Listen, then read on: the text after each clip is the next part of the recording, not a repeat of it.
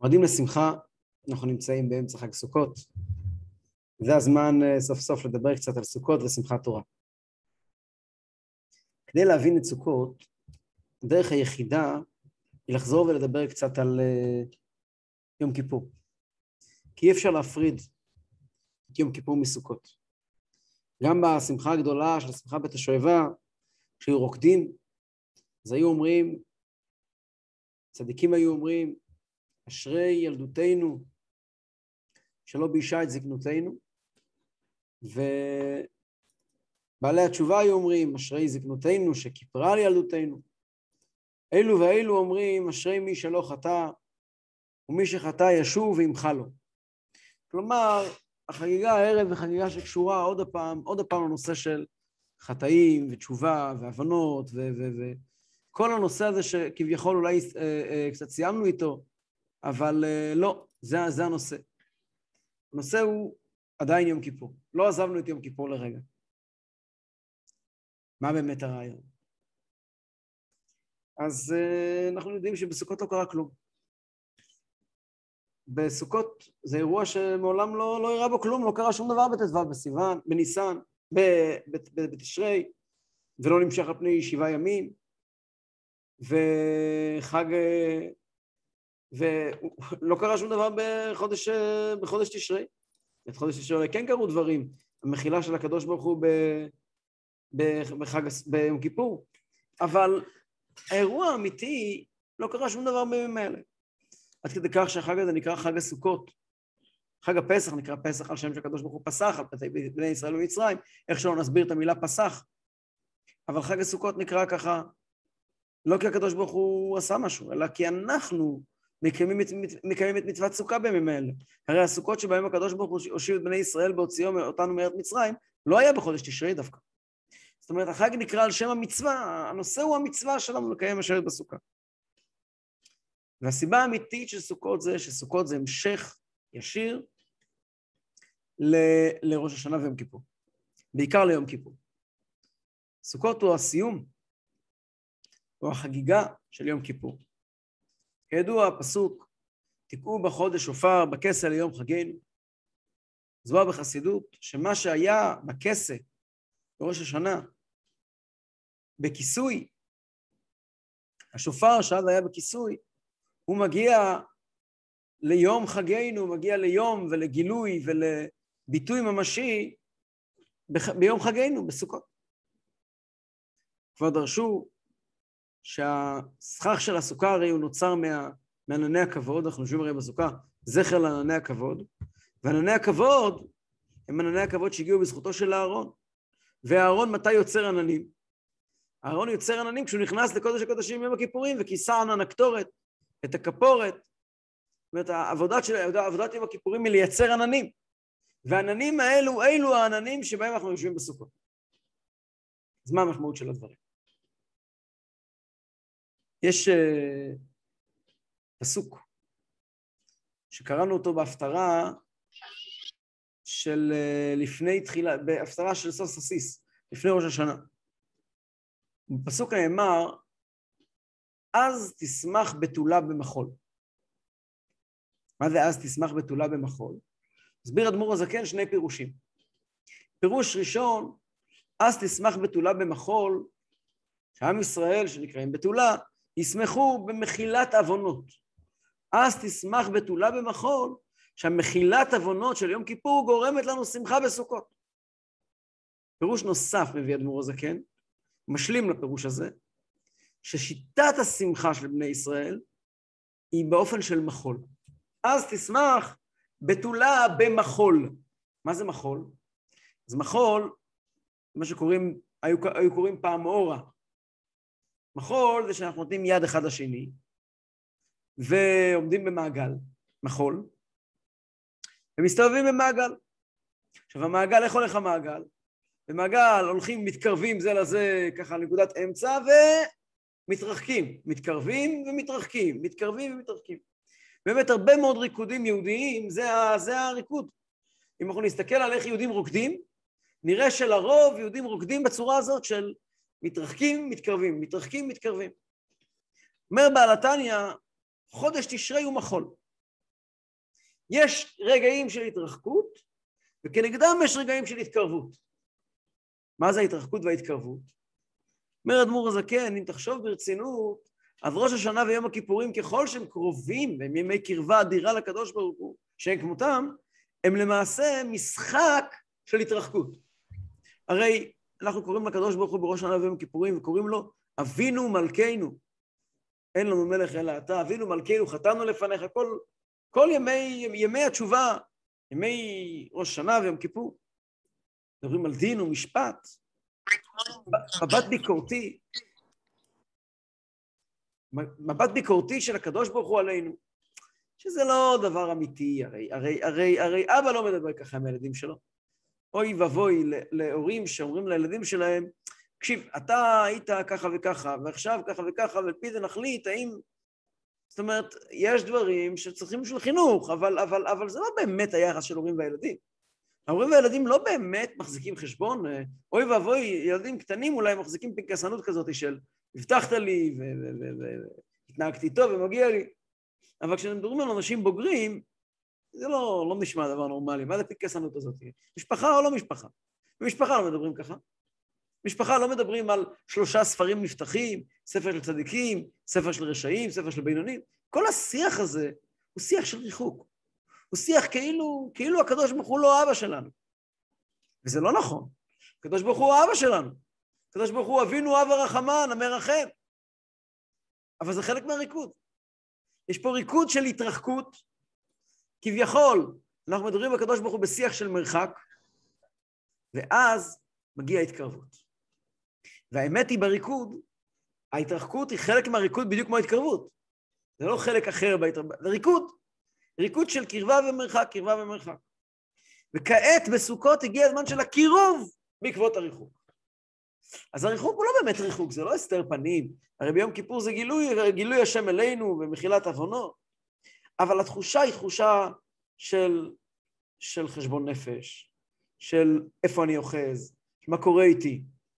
לעומת זאת סוכות הדגש הוא הפוך. הדגש הוא הקרבת השם. וזה דבר אחד, זה ריקוד אחד. היינו עם הקדוש ברוך הוא ביחד ביום כיפור, והקדוש ברוך הוא מחל לנו על כל ההבנות, ולא רק מחל לנו על כל ההבנות במובן הטכני שקרא את uh, אבינו מלכנו, קרא, איך כתוב שם? קרא uh, שטרי חבותינו. לא רק שקדוש ברוך הוא קרא את כל שטרי חבותינו, ואמרנו בואו נתחיל דף חדש. זה הרבה יותר מזה, יש גם את הסיבה למה הוא קרא את שטרי חבותינו. ועל זה דיברנו במפגש הקודם. דיברנו במפגש הקודם, שיום כיפור זה זמן של ימים יוצרו ולא אחד בהם, שקדוש ברוך הוא, הוא היום שלו, יש יום אחד שהוא לא שלנו בכלל, של הקדוש ברוך הוא. הקדוש ברוך הוא ביום הזה מסתכל עלינו כמו שאנחנו נמצאים במקום הכי עליון, והנשמות שלנו בנקודה, בנקודה הכי הכי עמוקה שלנו נמצאים בקדוש ברוך הוא. אז אולי אנחנו לא חיים את זה ביום יום, אבל יום כיפור זה, זה יום כיפור. יום כיפור זה רגעים של קרבה אדירה. קרבה אדירה כל כך, שהיא מוחקת את כל החטאים ואת כל העוונות, הכל לא חשוב, זה לא רלוונטי. כשמדברים על כזו קרבה עם הקדוש ברוך הוא, כזו קרבת אלוקים, אז, אז, אז העוונות והחטאים והפשעים הם לא רלוונטיים בכלל. ואת זה, את זה צריכים לחגוג. אז למה צריכים לחגוג את זה? אז קודם כל, טכנית. טכנית, אה, הגיע הזמן. זה אירוע שבאמת ראוי. זה אירוע שבאמת ראוי לחגוג אותו. אבל הרבה מעבר לזה.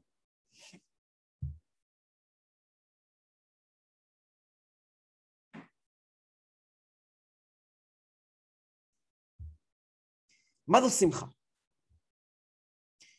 אנחנו יודעים שראש שנה ויום כיפור הם לא ימי שמחה. הם ימים נוראים.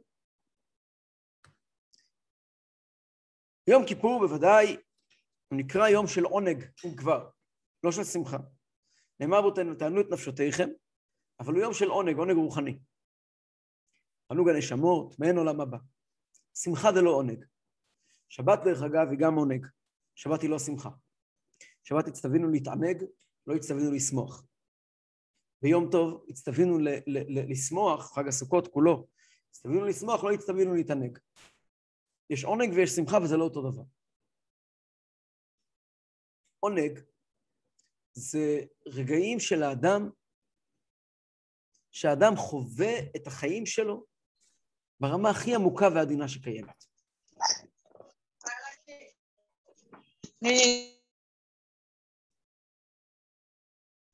אוקיי. הוא מנסה לחוות את החיים שלו ברמה הכי עמוקה ועדינה שקיימת, זה עונג. כל פרטי העונג, לא ניכנס לכל ההלכות של העונג, אבל עונג פירושו שאדם חווה את הרגע והוא לא מחפש כעת לשמוח. זה הנשמה מתגלית, הוא מתחבר לקדוש ברוך הוא, זה, זה רגעים מאוד מיוחדים. שמחה לעומת זאת, שמחה זה רגעים של התגלות.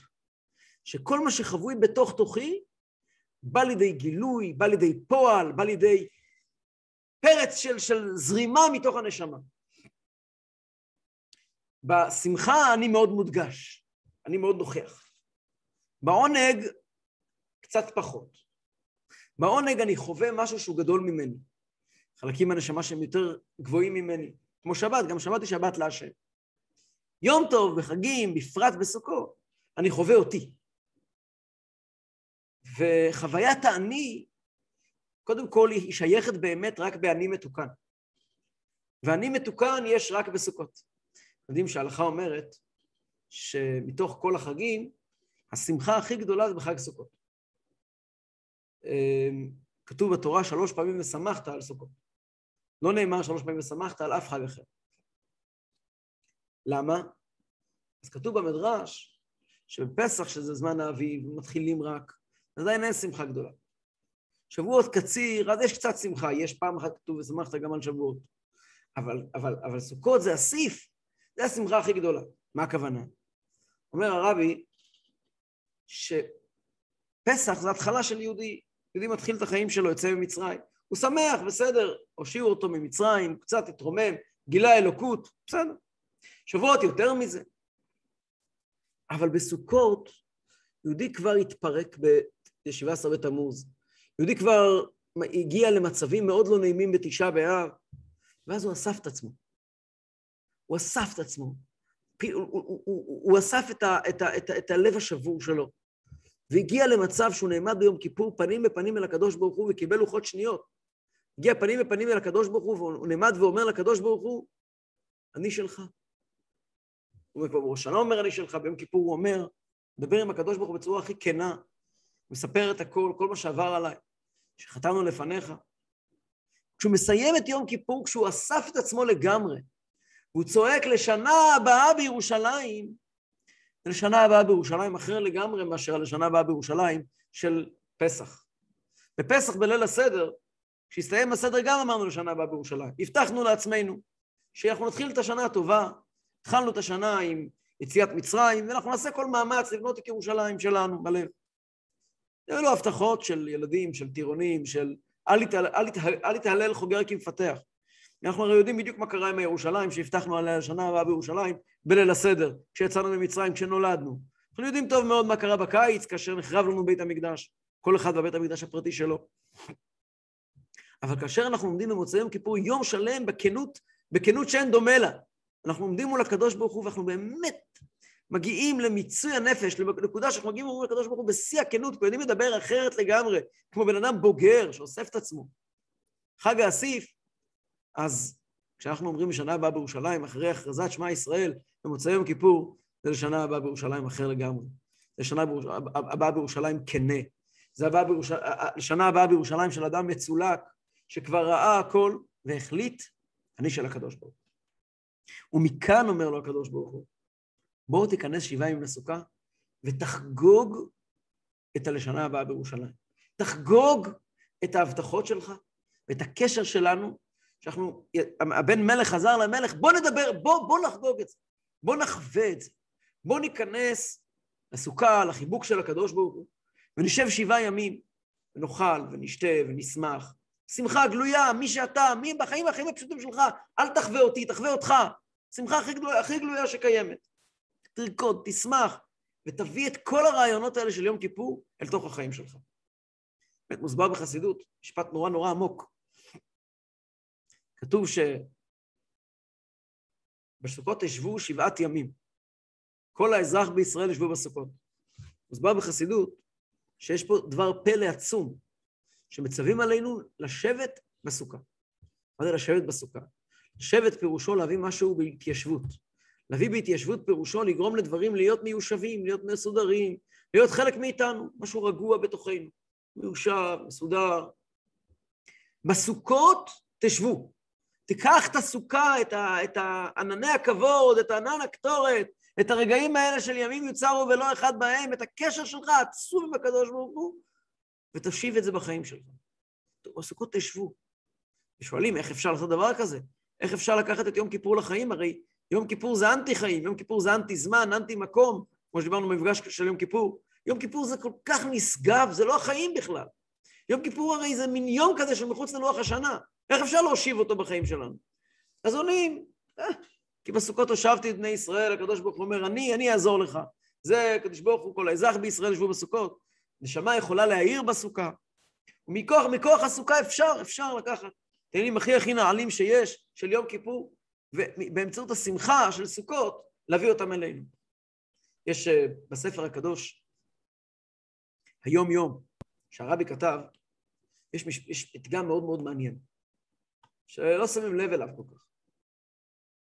כתוב שם שמנהגנו, שאת ארבעת המינים בנענועים לוקחים, עושים נענועים, אז לאיפה לוקחים את ארבעת המינים?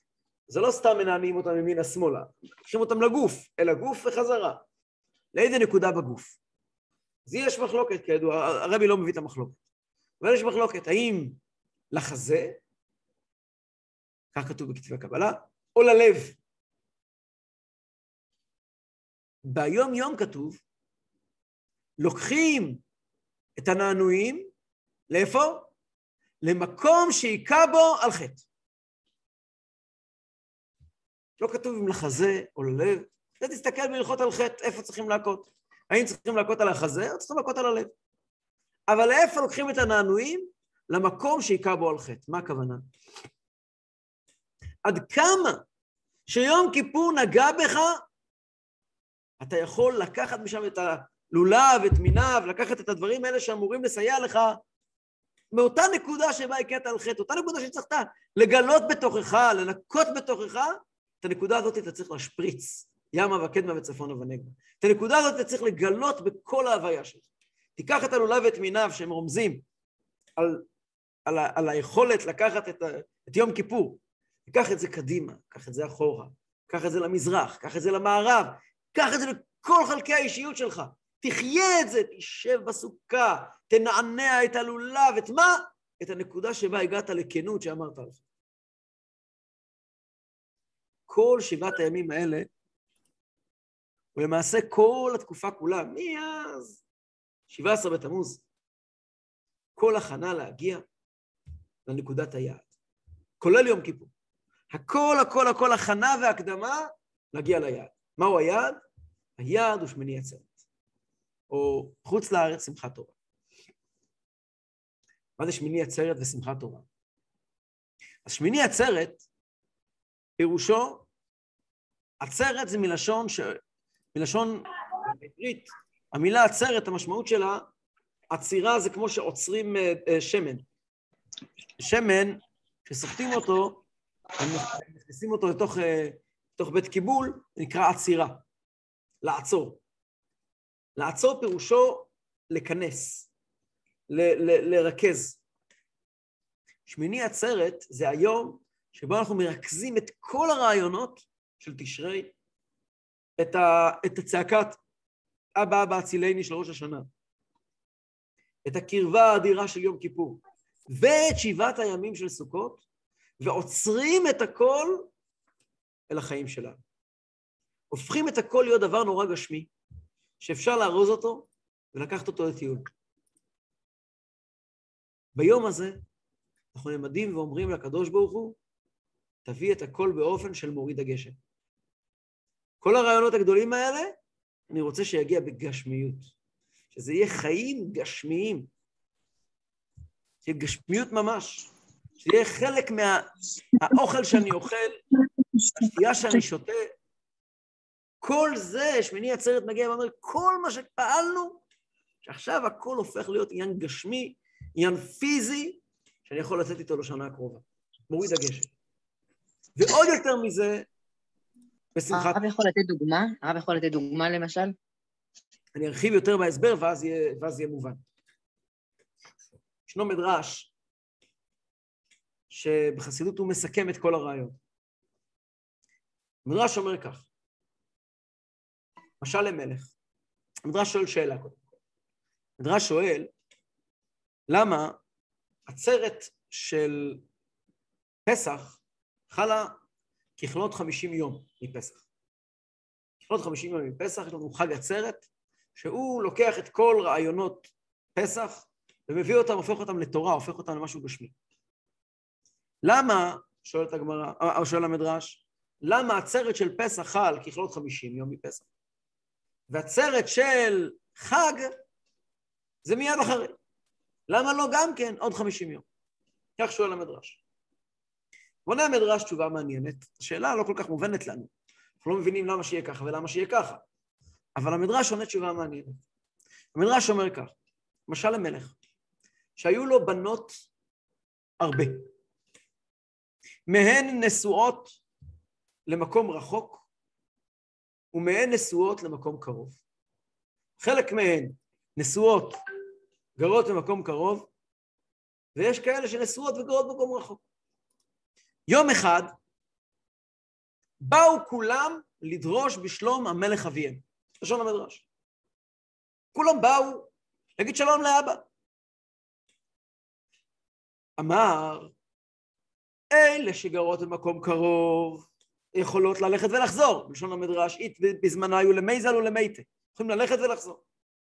אלו שנשואות למקום רחוק, לית בזמנה היו למייזל ולמייטה, אין להם זמן, אין להם הזדמנות, לא זמן, ללכת ולחזור. אז נביד יום התו אחד, נעשה יום טוב אחד לכולם. אומר המדרש, כך,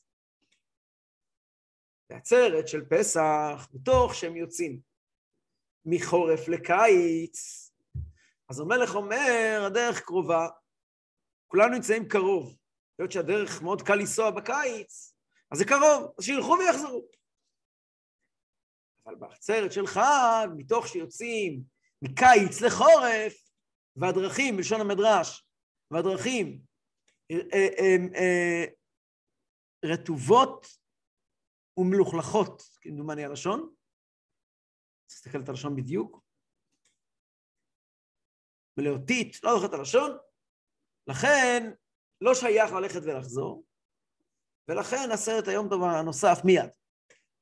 בפשטות, דברי המדרש, הכוונה שלהם היא כזאת, אם, אם לא רוצים להעמיק, המשמעות היא פשוטה. בקיץ, בני ישראל עולים לרגל, והדרכים אה, של, של חודש אייר הם דרכים סלולות והכל נוח, אז הולכים וחוזרים, אחד, שתיים, מה הבעיה? אבל בחורף יוצאים עכשיו, בעזרת השם מתחיל גשם, עד שהולכים חזרה הביתה, ואז עוד פעם לחזור, להגיע לראש חודש כסלו, כינוס השלוחים, להגיע חזרה ל, ל, למלך, זה, זה מורכב, זה קשה, אז לא עושים את זה. וזו ההסתכלות מאוד, מאוד שטחית. המשמעות העמוקה של דברי המדרש היא כזו. הקדוש ברוך הוא המלך, ויש לו בנות הרבה. בנות זה הנשמות. אצלנו ראינה בנות ציון במלך שלמה, בנות ציון זה הנשמות שלנו. והן נשואות. למי הן נשואות? אז הנשמות שלנו נשואות עם הגוף שלנו. מהן יש נשמות שנשואות למקום קרוב. זה נשמות של צדיקים. הן נשואות לגוף קרוב לקדוש ברוך התפקיד שלהם זה לקיים מצוות, ללמוד תורה, להתעסק עם עניינים נעלים, והם יכולים תמיד לבוא, ללכת, זה לא סיפור גדול. אבל יש נשמות שהן נשואות למקום רחוק, שהן מחוברות עם גוף גשמי וחומרי, ועם חיים פשוטים יותר, וההתעסקות שלהם זה עם ניסיונות, ועם אתגרים, ועם כאבים, נשואות למקום רחוק. יום אחד, יום אחד זה יום כיפור, זה יום אחד. היום האחד זה יום כיפור, היום של איכות, יום כיפור. באו כולם לדרוש בשלום המלך אביהם. כל הנשמות כולם מגיעות ביום כיפור, ואומרים לקדוש ברוך הוא בוקר טוב, מה שלומך? והקדוש ברוך הוא רוצה שמפה יצאו לשליחות שלהם, למקום הקרוב ולמקום הרחוק באופן אחר. אז הוא אומר כך, בפסח, שזה זמן מיוחד לצדיקים, בפסח כולנו צדיקים, זה זמן מרומם, שכולם הם כמו ילדים קטנים, וילדים קטנים תמיד צדיקים לך. אז ילד קטן, תמיד אפשר לקחת אותו לחיידר ולהחזיר אותו, וזה אפשר, בסדר, יהיה גם שבועס, הכל בסדר. אבל כעת כאשר יוצאים מקיץ לחורף, כשיוצאים מהזמן של כל החגים, כל החגים כולנו נמצאים בקיץ, מפסח ועד שמחת תורה, כל חגי התורה, כולנו נמצאים בזמן שאומרים הוריד הטל. כולנו נמצאים בקיץ. וכעת יוצאים לחורף הארוך, לחורף הארוך שהשמש הולכת אה, פחות שמש, יותר שעות חשיכה, הדרכים, הקור מתחיל לשלוט בעולם. נכנסים לחורף, לתרדמת חורף שתימשך מכאן עד פסח. פעם הרבי דיבר את הרעיון הזה באחד ההזדמנויות, הרבי דיבר על זה הרבה.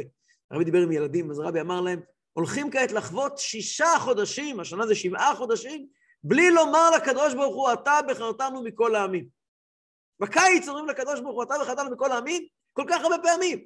אמרנו את זה כל יום בפסח, אמרנו את זה בשבועות, אמרנו את זה בראש השנה, אמרנו את זה ביום כיפור, אמרנו את זה עכשיו, שבעה ימים נאמר את זה בסוכות, ושמחת תורה. כמה ימים יש לנו שאמרנו שאתה בחרתנו מכל העמים? עכשיו יוצאים משמחת תורה, מקיץ לחורף, לא אומרים יותר אתה בחרתנו מכל העמים, עד פסח. זה נקרא יוצאים מקיץ לחורף. יוצאים לשנה עצמה, לאתגרים, לזמן חורף, כמו שאומרים בעולם הישיבות.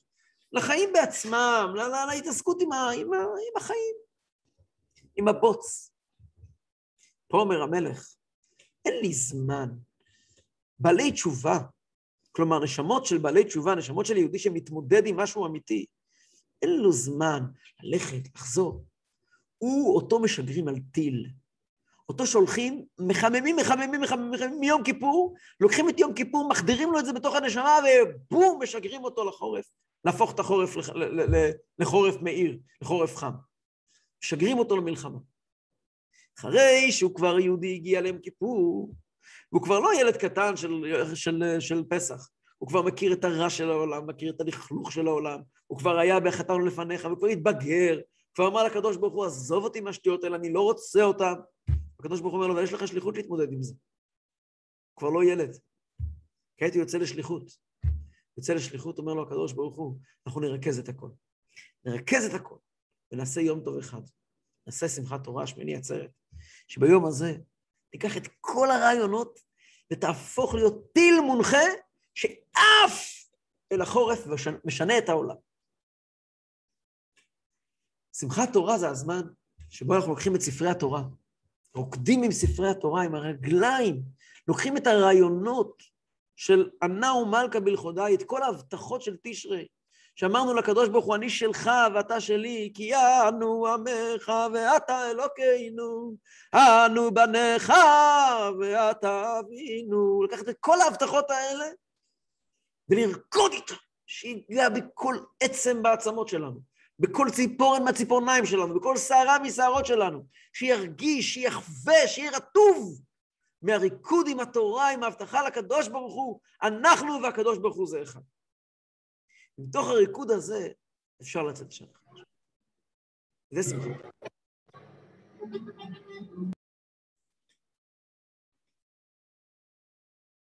נחזור חזרה קצת לסוכות. נדבר אולי קצת על ארבעת המינים. הרעיון הזה שדיברנו עליו מקודם, בעצם בא לידי ביטוי גם בארבעת המינים, בא לידי ביטוי כל פרט בסוכות, גם בארבעת המינים.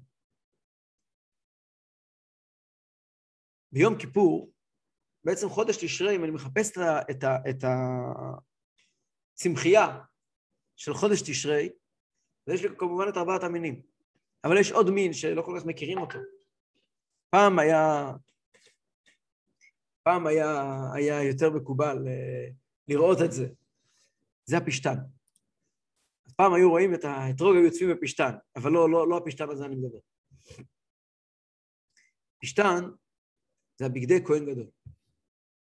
תחילת פרשת יום כיפור, פרשת אחרי מות, מיד בהתחלה, כאשר התורה אומרת לאהרון הכהן, ואני אבוא עת אל הקודש, מתחילה להגיד איך כן להיכנס ביום כיפור, אז היא מתחילה ומדברת על כתונת בד קודש ילבש, ומכנסי בד יהיו על בשרו, ובאבנת בד יחגור, ומצנפת בד יצנוף, בגדי קודש שם, ואחד זממים את בשרו ולבשם, ואז מתחיל כל פר... הפרשה, הפסוק הראשון בעבודת הכהן הגדול זה לבישת בגדי הבד.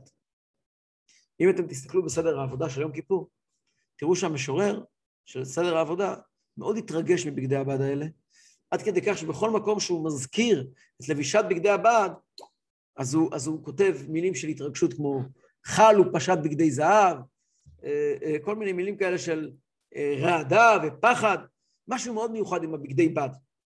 כל השנה, כהן גדול עובד בבגדי זהב. יום כיפור בגדי בד. מה זה בגדי בד? מה זה בד? אז בד, אומרת הגמרא, בד זה פשתן. למה פשתן נקרא בד?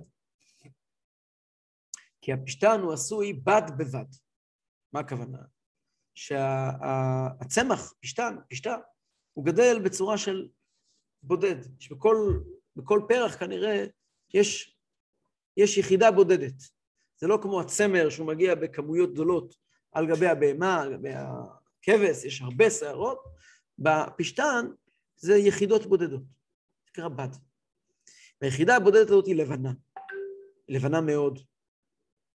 לבנה מאוד מכיוון שהיא חסרת כל צבע, היא הפוך מזהב. זהב זה צבע מאוד בולט, הלבן הוא פשוט פשוט. זה רומז על יום כיפור. כולם לובשים ביום כיפור בגדי, לבנים, בגדי, בגדי לבן.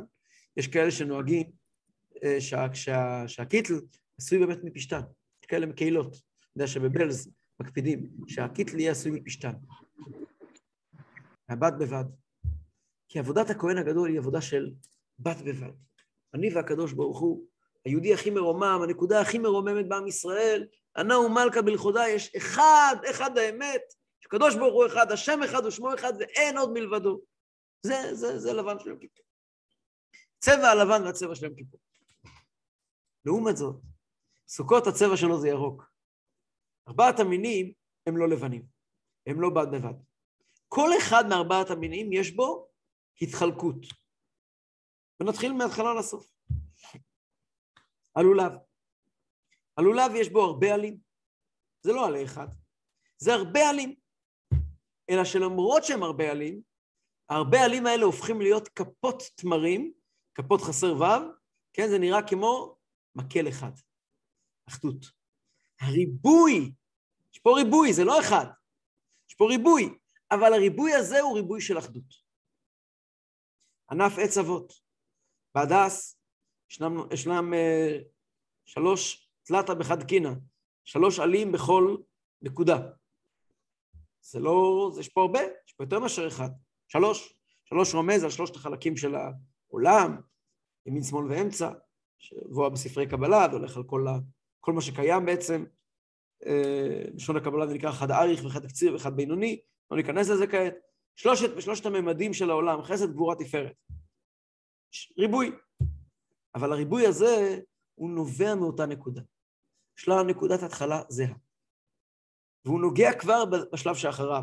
הרי שני, שני, שני כללים יש בהדס, שיצאו שלושה מאותה נקודה, ושיחפו את התחלת ה, ה, הנקודה הבאה. כלומר, שלושת הבחינות האלה יוצאות מאותה נקודה, והן גם מולידות את הנקודה הבאה. יש קשר, הכל מאוחד. אמנם דברים נפרדים, זה לא בד בבד, אבל יש קשר ביניהם. לא רק קשר, מגיעים מאותו מקום, הם מוליכים לאותו מקום. הערבה, נקראת בלשון הגמרא, אח ונע, אחווה. מי שיודע, הערבות גדלים במסות אדירות, עץ ערבה גדול, בטח כשהוא ליד איזה נחל, הוא גדל ממש במסות אדירות של עלים, אבל הם אחד ליד השני. זה עץ כזה שאין לו ענפים שמתפרדים למרחקים, אלא הוא כולו ביחד. זה אחווה, אח ונע. שוב פעם, זה ריבוי שמגיע ל... להיות ביחד. ואחרון והדין מכולם זה האתרוג. האתרוג הוא גדל בכל ארבעת עונות השנה. הפרי היחידי שגדל גם הלימון, שהוא צאצא של האתרוג, אבל חוץ משני הפירות האלה אין אף פרי שיכול לגדול בכל ארבעת עונות השנה. והמיוחדות היא לא רק שהוא שורד את ארבעת עונות השנה, אלא שהוא גדל בארבעת עונות השנה. כלומר, כשמגיע החורף הוא מקבל מהחורף משהו. פירות החורף מקבלים מהחורף כל מיני מתנות, גם האתרוג. מגיע האביב, פירות האביב מקבלים מהאביב מתנות, גם האתרוג. מגיע הקיץ, גם האתרוג מקבל.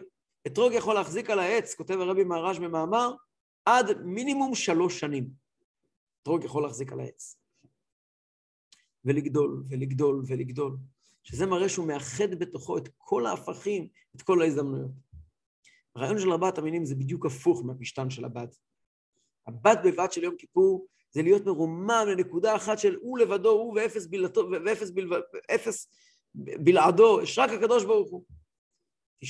שמחת, אה, אה, חג הסוכות זה ארבעת המינים שכל אחד מהם לחוד מספר שהאחדות הזאת יכולה לחיות גם את החיים שלנו.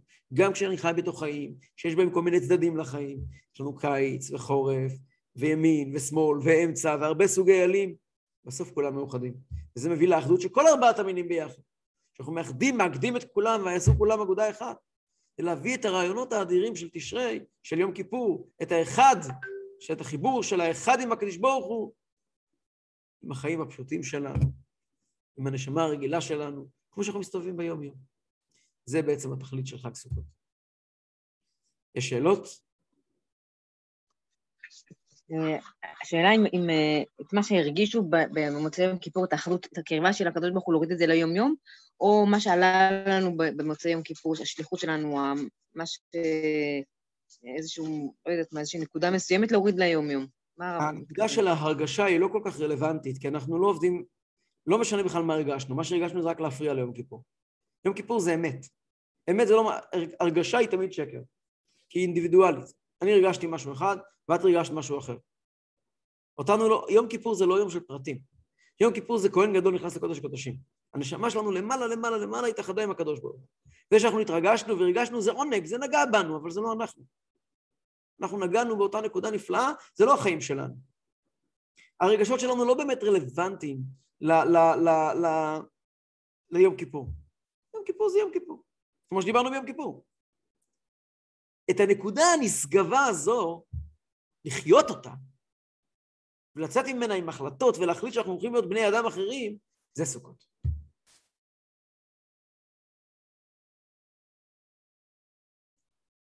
עד שמחת תורה, שזה בכלל, אה, נוריד את זה לגשמיות ממש. סליחה רב, וכאן כן חשוב הרגשות שלנו? אנחנו נהיה בשמחה. סוכות בוודאי. סוכות זה חג של רגשות. ושמחתם לפני השם אלוקיכם שבעת ימים. צריכים לשמוח. ולשמוח זו עבודה. לשמוח זו עבודה.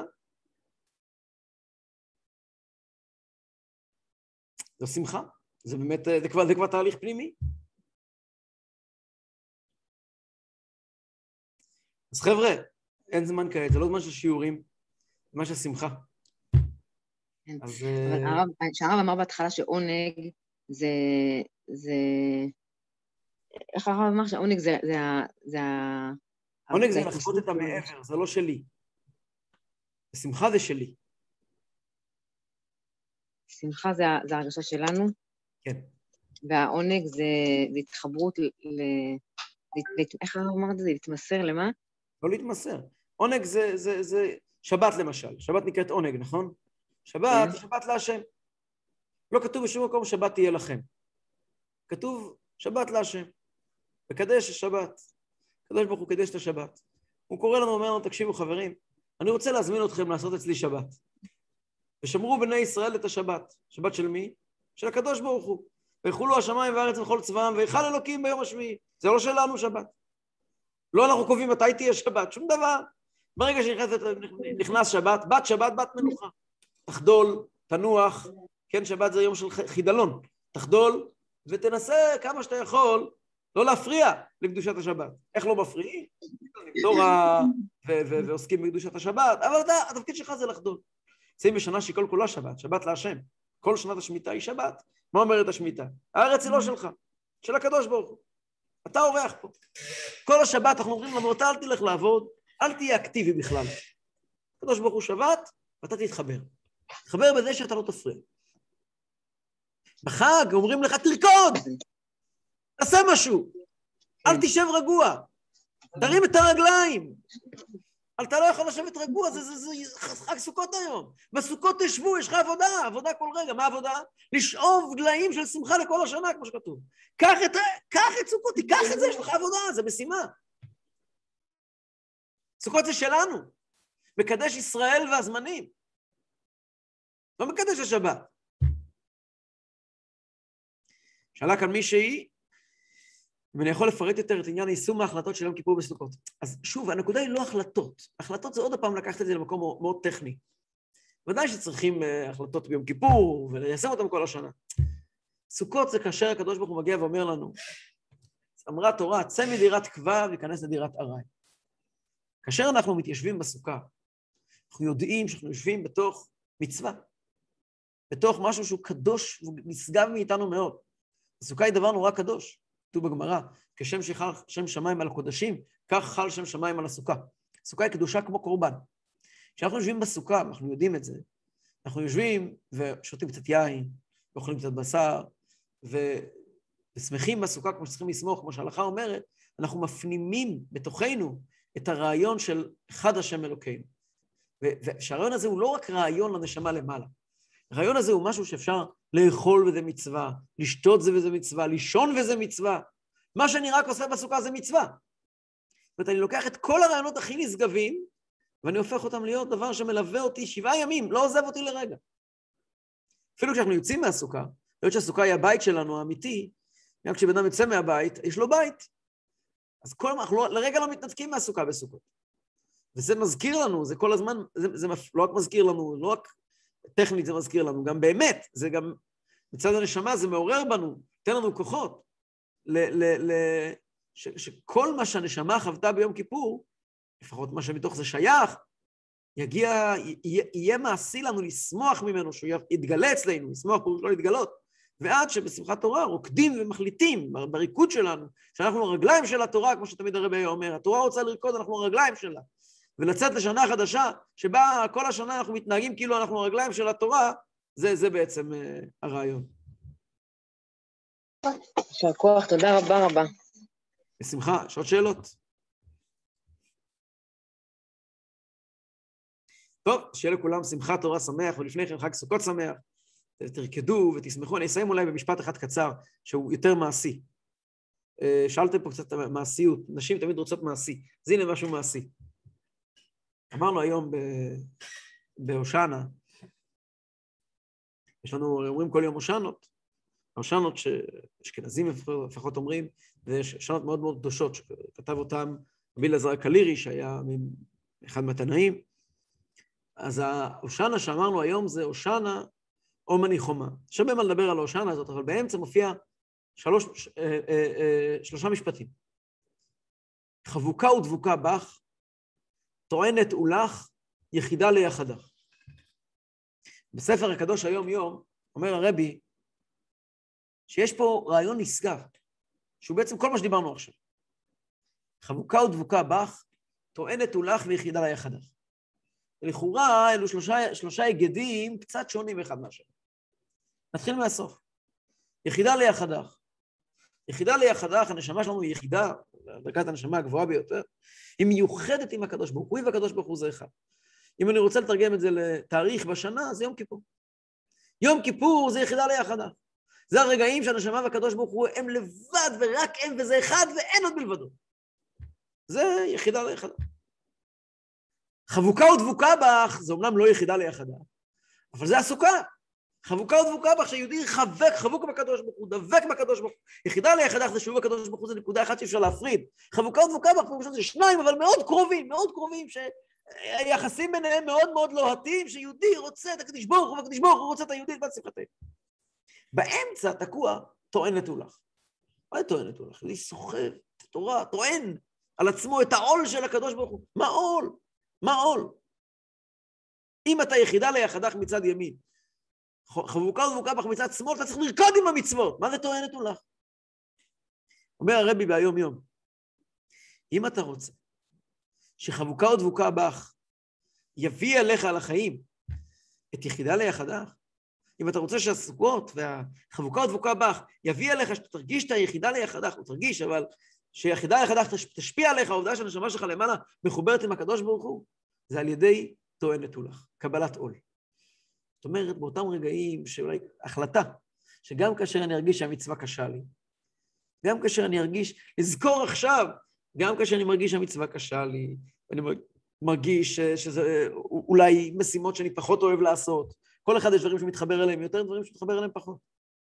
אבל אם אתה רוצה שחבוקה ודבוקה את היחידה ליחדה, המסלול, המתכון הוא טוען נטו לך. קבלת עול. להחליט שאני אעשה מה שצריך גם כשקשה. הגם כשקשה זה הדרך היחידה להביא את היחידה ליחדך לחיים שלנו. חג שמח לכולם. תודה רבה. שאלה אפשר בבקשה? כן, בבקשה. כשאתה אומר קבלת עול, אז הכוונה גם בשאר החודשים, לאו דווקא בחגי תשרה? בוודאי, בוודאי, זו החלטה על קבלת עול. החלטה, זאת אומרת שאתה נטען בחודש תשרה לקבל כוחות לש... לכל השנה כולה. בוודאי, אנחנו נמצאים בקטר, אנחנו הולכים לסחוב איתנו רכבת. אוקיי. זה מובן, אוקיי. תודה רבה, הרב, תזכה למצוות. בהצלחה רבה.